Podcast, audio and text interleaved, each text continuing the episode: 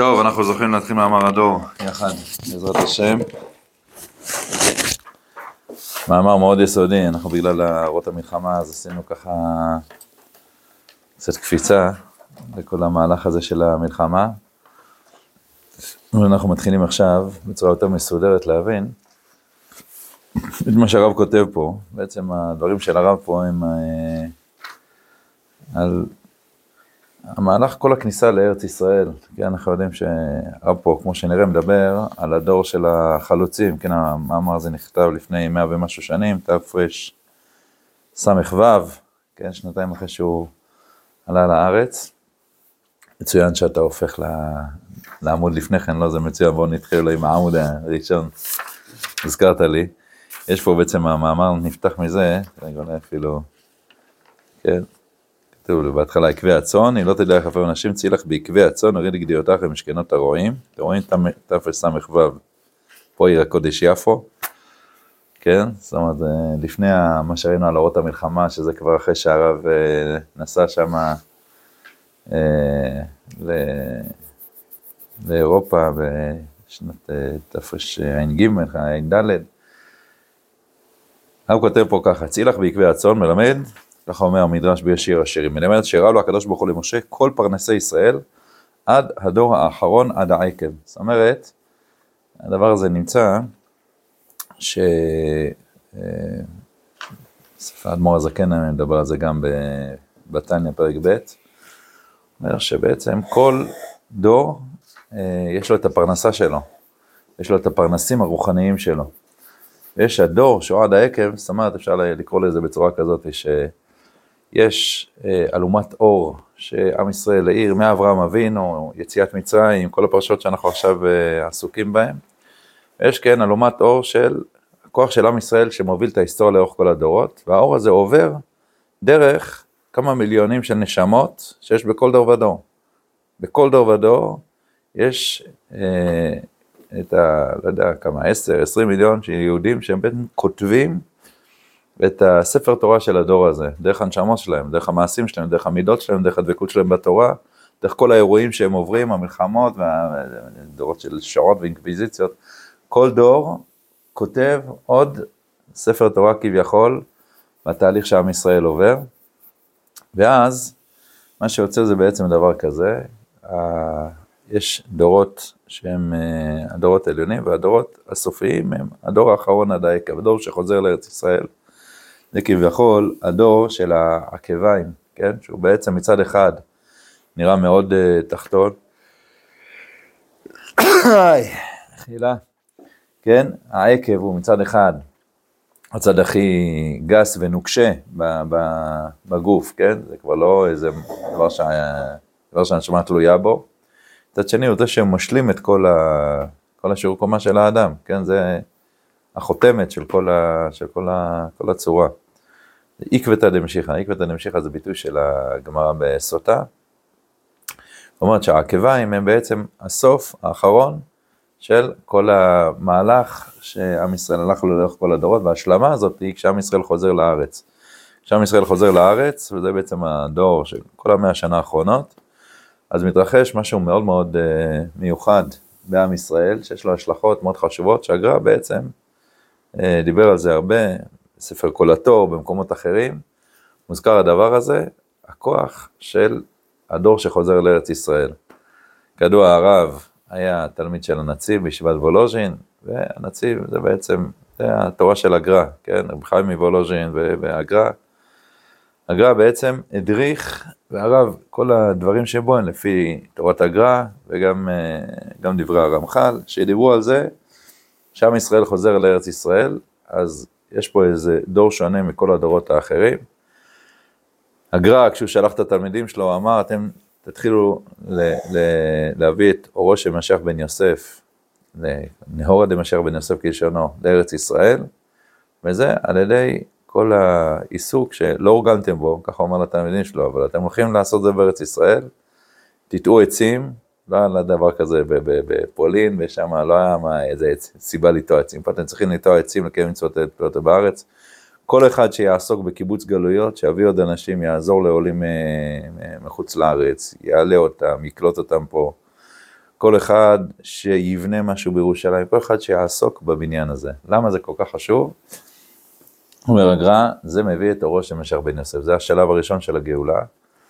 והרב אה, בעצם פוגש פה, אחרי שהוא עולה בשנת אה, תס"ד, הוא עולה לארץ ישראל, הוא מגיע שם ליפו, הזמין אותו להיות הרב של יפו וכל המושבות שהיו שם באזור, כן, תל אביב עדיין לא הייתה, אבל אה, יפו הייתה, והיה כל מיני מושבות, הרב רואה בעצם בדיוק את המפגש הזה, של המציאות ש...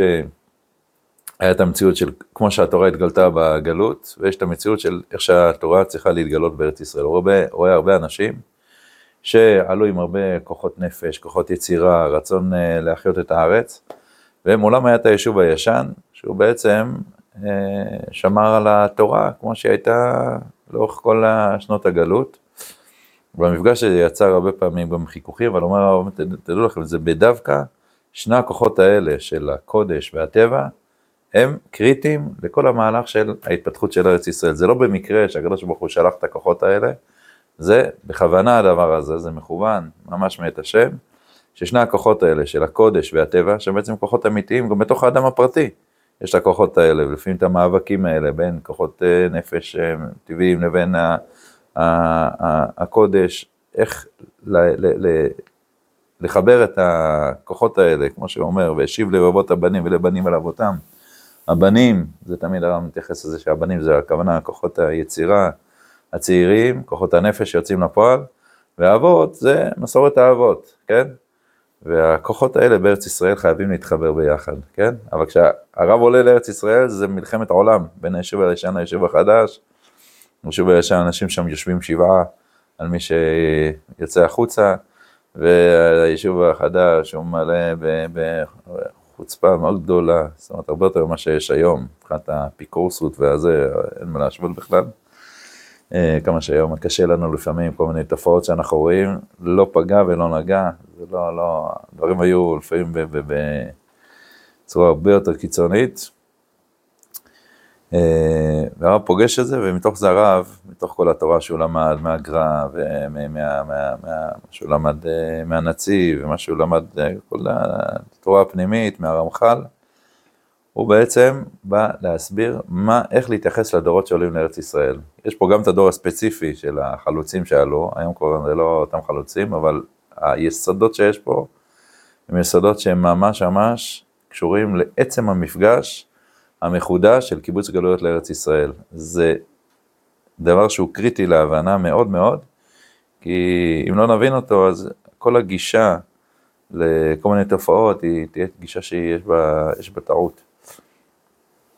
היום העולם החרדי גם בצורה, כל מיני צורות אה, שינה כיוון, וכולם התקרבו לתורה הזאת, לתורת ארץ ישראל, גם מבחינת אה, לימוד אמונה ורמח"ל בתוך הישיבות החרדיות, וגם ביחס ל... אהבת ישראל, דברים השתנו מאוד, אפילו מאז שאני הייתי צעיר, אז היה שם האמירות היו כאילו שזה אסור, צריך אה, לא ליצור קשר, לא לדבר עם אף אחד שלא שמע, קיצור, דברים מאוד מאוד חריפים היום, דברים השתנו קצת. אבל זה בעצם היסוד של, אה, של מה שהרב מביא פה, שולם, על, ה, על הכוח הזה של המפגש המחודש בין הארץ לבין העם. בבסיס יש פה, בעצם כשהם חזרו, כל החבר'ה שעלו מרוסיה החלוצים, הם עברו צרות מאוד מאוד גדולות. היה את כל מה שנקרא סופות uh, בנגב, והיה פרעות בקישינב, והיה פרוטוקולים של זקני ציון, המון המון אנטישמיות שהם פגשו, והם אמרו די נמאס לנו, רוצים uh, לקחת יוזמה ולהקים uh, מדינה, נמאס לנו להיות שבויים בידי העמים. זה היישוב החדש, הוא עלה והוא ממש רצה, לפעמים אה, גם כל מיני חבר'ה שרצו להקים חברה סוציאליסטית, חברה כמו קיבוצים ודברים כאלה, ואנחנו רוצים להיות, אה, ליצור אה, חברה חדשה, וכמו שאמרנו, פגשו פה את היישוב הישן, המפגש הזה, כאילו שהגיע לידי התקלות ולידי ממש מלחמה לפעמים, אחד מול השני, אמר הרב, המלחמה היא בין שני יסודות אמיתיים שצריך לדעת איך לחבר אותם נכון, ברגע שנחבר אותם נכון, אז uh, יהיה פה ישועה מאוד מאוד גדולה. כשיהיה מפגש נכון בין כוחות הקודש, שבעצם היישוב הישן uh, ביטא אותנו, לבין כוחות הטבע בעם ישראל, זה בדיוק ימשיך את המהלך של הגר"א, של משיח בן יוסף, נאור עד משיח בן יוסף, ושמה, לשם אנחנו חותרים. אה, זהו, צריך לדעת שכל ה, כל מה שיש פה במאמר, זה מתוך ה... זה לא שהרב ראה, אני יודע, קרא עיתונים ואמר, טוב, אני נראה לי ככה, זה... הכל מגיע מתוך תורת הגר"א, הכל מגיע מתוך. העולם הפנימי של התורה, מתוך זה הוא מתבונן ומנתח מה המשמעות, איך צריך להתנהג בדור של קיבוץ גלויות, כי זה באמת אה, צורה אחרת של, אה, של, אה, של לימוד אמונה, צורה אחרת של אמון בכוחות שבאים לבנות את ארץ ישראל. אנחנו נראה את הדברים לאורך כל, ה, כל, ה, כל הדרך. אבל הרב, כל הקטע הראשון עכשיו של מאמר, של מאמר הדור הוא בעצם דבר ראשון, הזדהות עם המציאות של הכאב שיש בזה, היה כאילו באמת מלחמת עולם בין היישוב הישן לחדש. לפני שהרב נותן פתרונות, הדבר הראשון, אה, נמצא עם עם ישראל בכאבים שלו, של, ה, של ה, מלחמת החיים, הפילוג הפנימי הזה. בואו נראה. המחוב הגדול, המדכא את הנפש, ביגון נורא ואיום, המצוי בדורנו בלב כל מי שחושב מעט מחשבה והוגה מעט דעה, בייחוד אם הוא גם כן מוכשר לקבל הרגשה עדינה וישרה בלבבו, אין לתאר ולספר. כן, אנחנו יודעים שכתוב, יוסף דעת יוסיף מחוב, זאת אומרת מי שיש לו, כן, קצת יותר אה, עולם אה, של רגישות פנימית, מוכן לקבל הרגשה עדינה וישרה בלבו, אז עוד יותר מבין את הכאב הגדול מצד הפוטנציאל שיכול להיות כשעם ישראל חוזר לארץ, ומצד המאבקים הנוראים ש, שנוצרים פה בתוך, ה, בתוך המציאות הזאת. עוד פעם, אנחנו, אנחנו היום בשנים האלה חווים עוד פעם כיוונים כאלה, עוד פעם אנחנו היום נמצאים במלחמה מול אה, רשעי אומות העולם, אבל אה, אחרי שתיגמר המלחמה, עוד פעם יהיה את הבירורים האלה של איך ליצור תורה כזאתי שהיא תורה שהיא מחיה את כוחות הנפש, והיא לא צוררת את כוחות היצירה, וכל הדברים האלה שהגיעו על ידי כמעט מלחמה לפני uh, כמה חודשים, הבירורים האלה ימשיכו, והרב בדיוק אומר שזה לא במקרה הדבר הזה. חוזרים לארץ ישראל לשני כוחות אמיתיים שצריכים לצאת לפועל, כן? גם כוח היצירה, כוח החופש, לפעמים לוקחים אותו לליברליזם קיצוני, שכאילו הכל uh, הפקר. אבל היסוד שלו הוא יסוד של רצון שכוחות הטבע, כוחות הנפש יצאו בצורה אה, בלי מגבלות. מצד שני, הכוח של הקודש, שבא כמובן לכוון את עם ישראל, בדרך התורה לקרבת אלוקים. באותו זמן, תרס"ד, תרס"ו, כשהוא כותב את זה, היה מלחמת עולם פה בתוך, בין היישוב הישן לחדש. והוא אומר, יש פה מכאוב מאוד גדול. מכאוב, צריך לדעת שיש מכאוב וצער, זה דבר שיכול גם להיות מתוקן. עצבות, דיברנו על זה באותו תשובה פעם, עצבות כתוב שהיא קינא דמסאבותא, זה מקום שהוא הקינה, הטומאה, מקננת, גדלת שם את האפרוחים והביצים שלה, אבל צער או מכאוב, זה לפעמים יכול להיות דווקא דבר מאוד מטהר, כן? צדיקים שעושים תיקון חצות, וכואבים את גלות השכינה ואת הרצון לבניין בית המקדש, הכאב הזה הוא חיובי, זה כאב שהוא יוצר אצלם רצון לפעול לכיוון האמיתי והחיובי כדי לבנות חזרה את הלוק משכינתא מאפרה, זה דבר שהוא שורף אותם ומביא אותם לעשייה. אז כאב וצער זה לא דבר רע, כאב וצער זה דבר שדווקא יכול להניע תהליכים מאוד מאוד חשובים קדימה, בסדר? אני אקח את ה... מה שהיה בשמחת תורה, כן? זה יכול להביא אנשים לעצבות מדכאת, עצבות שהיא כאילו, יאללה טוב בואו נגמור את זה, רק איכשהו נעשה איזה עסקה, וזה יכול להביא גם אנשים, זה ברוך השם מה שקרה לרוב האנשים, זה קרה להם רצון לעשייה גדולה, רצון לתיקון גדול, רצון ל... ל, ל כן? הרחקת הרשעה מעלינו, כן? בעזרת השם שזה יגיע גם לרצון לדבקות בארץ, בנחלת יהודה. אנחנו עוד מצפים שהדברים האלה יגיעו עוד יותר עמוק, אבל עצם הכאב הוא לא שלילי תמיד, כן?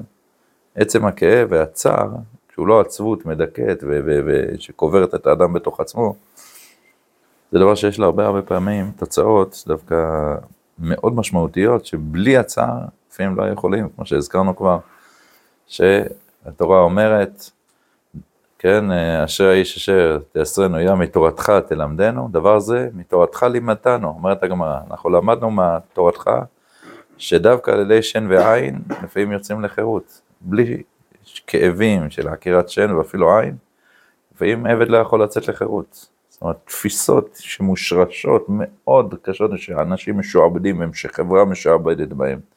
תפיסות תרבותיות, תפיסות אה, איך להתמודד עם אה, רשעת האויבים, לפעמים רק על ידי כאבים ואיסורים גדולים הם יוכלו אה, לצאת לחופשי מהם. כמובן, אם זוכים, אז דברים נעשים בצורה הרבה יותר מתוך חכמים, אבל לפעמים זה הדרך לצאת.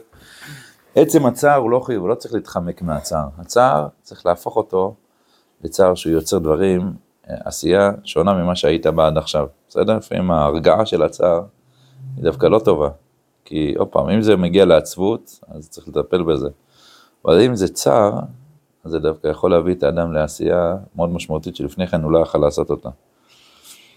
טוב, אז הרב אומר, יש פה מכאוב גדול בכל המפגש הזה בין שוב הישן לחדש. נדבים ונמוגים עיני למראה, דור שלם, אבות ובנים יחד, של אומה שלמה מתהפך בחבליו, כן, חבליו זה כמובן אה, רומז פה לחבלי משיח, בעינות נורא ומצוקי שאול, כידוע הגמרא אומרת שחבלי משיח זה כמו שיש, אה, אתה צריך להיות בתוך הצל של הגלל, של החמור, רב יוסף אומר, יתה ואחמינא, אני עדת דאחי, גם אני לי צריך להיות בצילו של הגלל, בתוך הסירחון, בתוך הייסורים הכי גדולים, עדת דאחי, אני רוצה להיות uh, בדור הזה.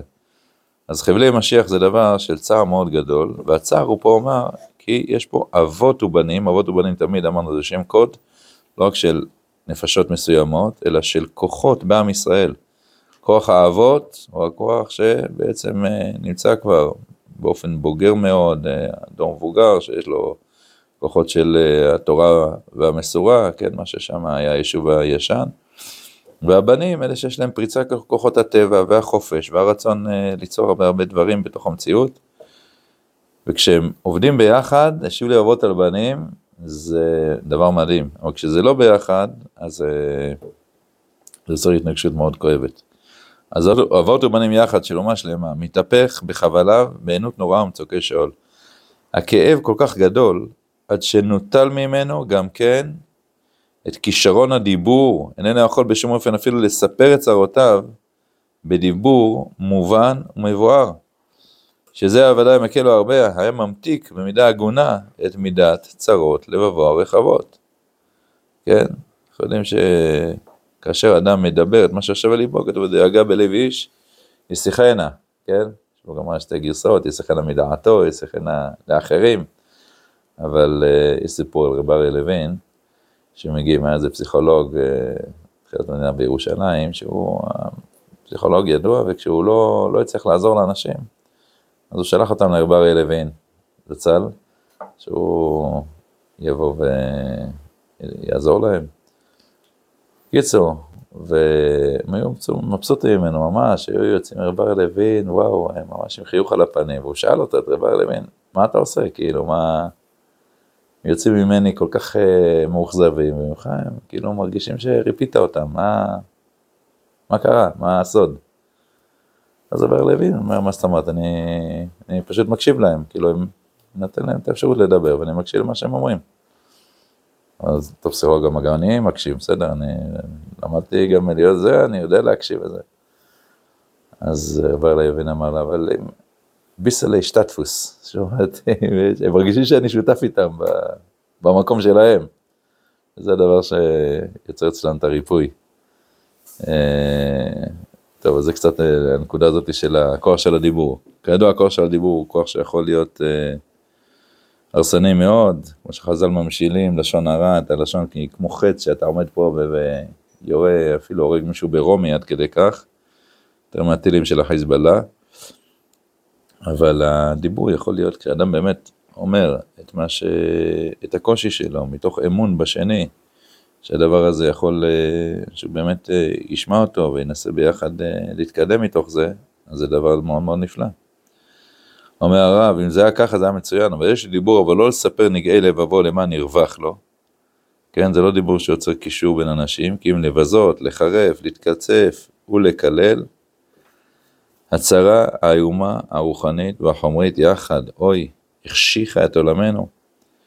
נטלה את זיו הכבוד מחיינו, הרב ממש מעריך פה בכאב הגדול, כי עוד פעם, אין מה להתחיל לנחם ולהציע פתרון לפני שאתה, כמו רב אריה לוין, אתה דבר ראשון, אתה שותף עד הסוף לכאבים הגדולים שכל האנשים חוו.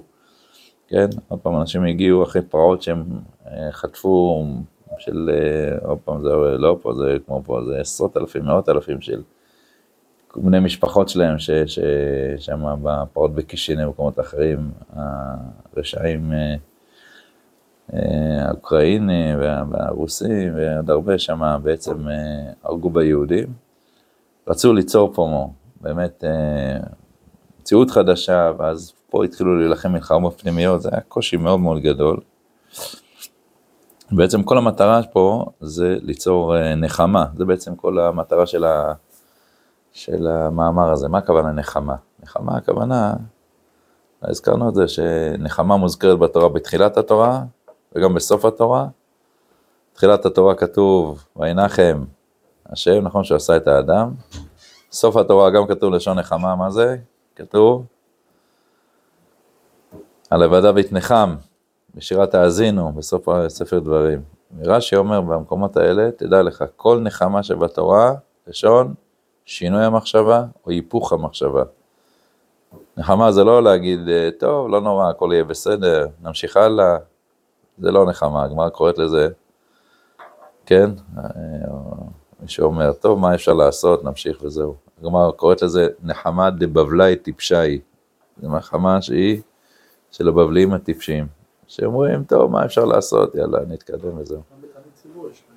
מה זה? לכם השם על הרעה של הבל לעשות לעמו, נכון? גם שם זה שינוי המחשבה, כן? נחמה אמיתית זה תפיסת נקודת עומק שלא הייתה ברורה לך עד עכשיו, ועכשיו היא, אתה קולט אותה, אתה מתנחם ממנה, זאת אומרת, נחמה אמיתית מציאות כזאת שאדם, למשל, לא יודע אם חס שלום, אביו או אמו נפטרו, שהוא מרגיש שהוא מתרסק עד הסוף, אין לו את יכולת האחיזה, הוא נסמך על ההורים שלו, הוא היה כל כך קשור אליהם. אבל המחשבה הראשונית זה מחשבה של אובדן, של התרסקות, של געגועים למישהו שנפטר או נהרג, ואין, כן, יכול להיות גם עכשיו אה, מציאות של אה, מלחמה, של אובדן חיים מאוד מאוד מאוד כואב. אז המחשבה הראשונה, המחשבה של אין עוגן, אין איפה, ממש הכל אה, נופל. וההיפוך המחשבה, או השינוי, כמו שרש"י אמר, שזה כל המטרה של הניחום, זה להבין שיש פה באמת משהו חי מתוך האדם שנפטר, כן, אם זה אבלות במובן הזה, כן, של אה, אבלות הנפטר, משהו ממנו חי בך, ואתה תוכל עוד להוציא את האור של הנשמה שלו דרכך.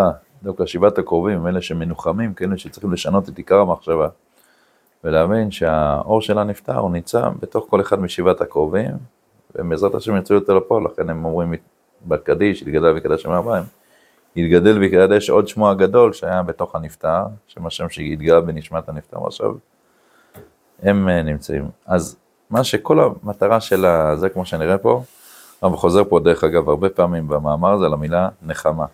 נחמה הכוונה? שינוי נקודת המחשבה, שינוי המבט על המציאות שהיא יוצרת, כן, זה, זה הכוונה, ככה רש"י אומר. שינוי המחשבה או היפוך המחשבה, זה הנקודה של הנחמה. אז המחשבה הראשונית היא מחשבה של התנגשות, של אה, מלחמה, אה, ממש אחד מול השני, וזה דבר שאומר הרב, זה, הוא בהתחלה, כן, קודם כל צריך לקלוט את הצרה, ואז רק מתוך זה, בעזרת השם, יש את ההיפוך של המחשבה. דבר ראשון, כן, לא שייך בכלל לצאת לתודעה חדשה, אם אתה לא מזדהה דבר ראשון עם הכאב של, מי ש... שאתה נמצא איתו. אחרת אין מה בכלל, באדם שבא לנחם אבלים, אומר, תשמעו, איזה יופי לו, הוא בשמיים אתם זה, ובואו נצא עכשיו לעזור. זה לא ככה, קודם כל צריך להיות איתו בכאב, כן, להיות איתו במקום של החסר שלו. בתוך זה שבעה ימים לאט לאט יש נחמה, יש שינוי מחשבה. לאט לאט לאט שהוא קורא, שההבנה היא בעצם שיש פה אה, דווקא צורה של חיים אחרים, שאומנם לא יהיו כמו שהיו, אבל יש בו אור חדש שעוד יצא לפועל דווקא מהחיים החדשים. זה דברים שצריכים לקלוט ולעכל ולהבין אותם, אבל זה בעצם המטרה של המאמר הזה, של מאמר הדור, להביא נחמה במובן הזה של נקודת מבט, עומק חדשה על המציאות של עם ישראל שחוזר הביתה, ואיך מתוך זה הדבר הזה לא יביא למלחמת עולם בין היישוב הישן לחדש, כמו שאמרנו בין כוחות הקודש לכוחות הנפש הטבעיים, אלא הפוך, זה יחבר אותם וייצור תורת ארץ ישראל שהיא הרבה יותר עליונה מהתורה שהייתה לפני כן. טוב, נחזור אלינו, אז אומר הרב, הדבר הזה, הצהרה, האיומה הרוחנית והחומרית יחד לא יחשיך את עולמנו, נטלה את זיו הכבוד מחיינו. כן, כבוד כידוע, מה זה המילה כבוד? כבד. מה? כבד, מה זה כבד?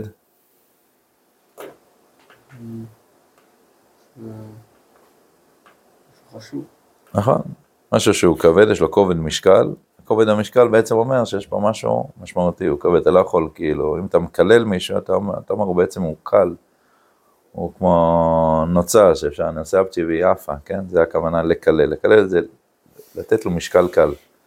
לכבד, הכוונה, אני רואה שיש לו משקל כבד במציאות, יש לו משהו מאוד משמעותי במציאות, שהוא, מתוך זה אני מעריך אותו. אין לך אדם שאין לו מקום, אין לך אדם שאין לו כבוד. יש נקודה של כובד משקל אמיתי. עכשיו, לעם ישראל ודאי שיש כבוד, תפילה עם ישראל כמו התפילין של הקדוש ברוך הוא, אמרת הגמר באיזה, מקמך ישראל גוי אחד בארץ. רק כשעם ישראל מתנהג אחד כלפי השני בצורה כל כך לא מכבדת, זה נוטל את זיו הכבוד מחיינו.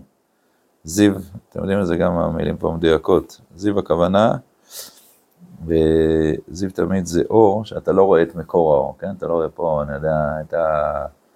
את הפלורסנטים, את הלדים, אתה, זה כאילו נמצא במקום שהוא כאילו בזווית שלא רואים את מקור האור, אבל הזיו מאיר לך, מה זה? אה, זה יכול להיות גם אור אה, שמגיע במשל של, ה, של, אה, של הזיו, הכוונה שהוא בעצם, אתה לא רואה את מקור אלומת האור, אבל האלומה הזאת היא מאירה כלפיך, זה זיו. אז הזיו של, ה, של הכבוד הוא בעצם נותן את המשמעות לכל ה, החיים, כן, יש... דוד המלך אומר, אורה כבודי, כן? זאת אומרת, אני, כאשר רואים את הכבוד כן, של כל צד שהוא מדבר, הזכיר את השם משמואל, שאומר ב... על תלמידי רבי עקיבא, נכון? שכתוב שהם היו בזה שלא נתנו, לא נהגו כבוד זה בזה. אז משמואל אומר, מה זאת אומרת יכול להיות שדווקא תלמידי רבי עקיבא, הרי היסוד של כל התורה שלו אומר, הכלל הגדול של התורה, ואהבת לאחר כמוך, איך יכול להיות שדווקא הם לא נהגו כבוד? זה ממש קושייה מאוד גדולה, באמת לא תזכרו איזה פרט בהלכה על דיני קודשים שהוא אמר, אבל את היסוד שהוא כל יום, כאילו זה הדבר הכי יסודי. יכול להיות שלא נהגו כבוד זה בזה. מה אתם אומרים? שאלה.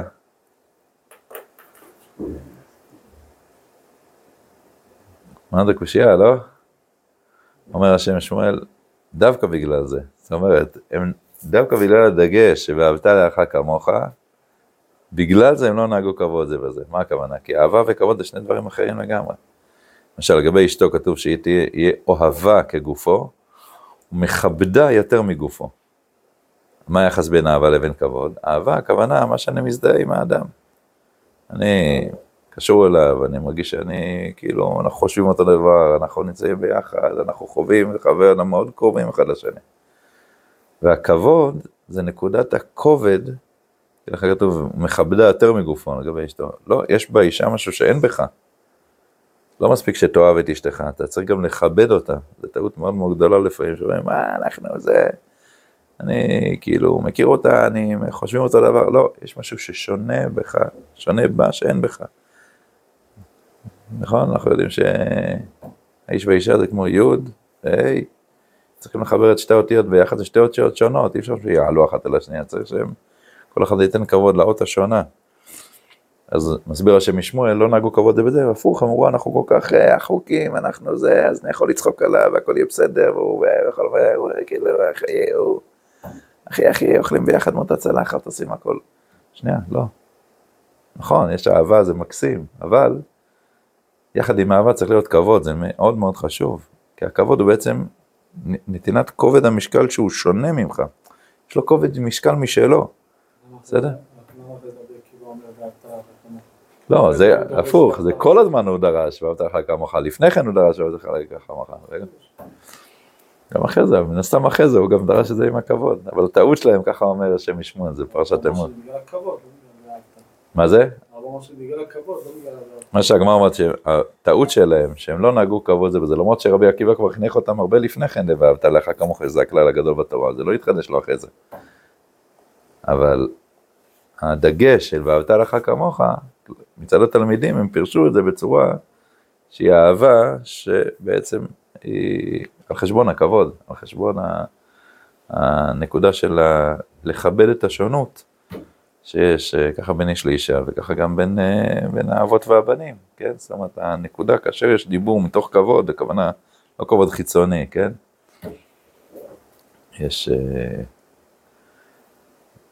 אה, זה היה, אני חושב שהרב, נו, שכתב את שמיעת שבת כהלכתה. מה זה?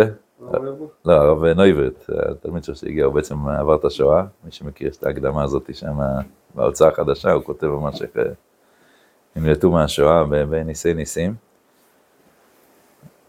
אני חושב שהוא סיפר את זה, שהם הגיעו כאילו למחנה ריכוז, הנאצים רצחו שם, ואז הגרמני אומר, התואיל אה, במטותא להועיל, להוריד את בגדיך כדי שאני אוכל לרצוח אותך בעצם. כאילו, הכבוד יכול להיות משהו מאוד חיצוני, כאילו של נימוסים וגינונים שאין בהם כלום אמיתי מאחוריהם, כן? כל מיני דיפלומטים כאלה שאתם יודעים, מלאי שנאה ומדברים בצורה כזאת, אבל זה ודאי לא כבוד בתורה, כן? הכבוד של זה, זה באמת נתינת כובד המשקל השני, נתינה שיש פה איזה משהו אמיתי. זה מה שהרב אומר, בעצם הכבוד הזה, הוא בעצם מה שנחסך מחיינו. נחשכו עינינו להכיר את כבוד עצמנו, ירדנו עד לעמק, עומק השפל של בזויי עם, שהחרפות, הגידופים, הקללות, כל תכונה זורמת וקצופה, הוא לחמם התמידי, בסדר? וזה בעצם הכוח הזה של חוסר הכבוד בצורה האמיתית שלו, היא בעצם אה, יוצרת, אה, יוצרת את המציאות הזאת, שכאילו כדי ליצור את ה... מציאות של עם, שזה בעצם כל התהליך הזה של היישוב הישן והחדש, אמור ליצור תודעה לאומית חדשה, כן? זה מה שהגר"א אומר, כשחוזרים לארץ ישראל זה כמו לידה חדשה של תודעה לאומית שאנחנו ביחד, והאחדות זה שאנחנו מוכנים למסור את הנפש אחד על השני. זה כאילו עדיין לא נוצר, הרב מתאר פה מציאות שיש כל אחד כאילו מחפש את האינטרס הפרטי שלו, מחפש את זה, ואין את היכולת להבין שאנחנו מחוברים יחד לאותה מטרה.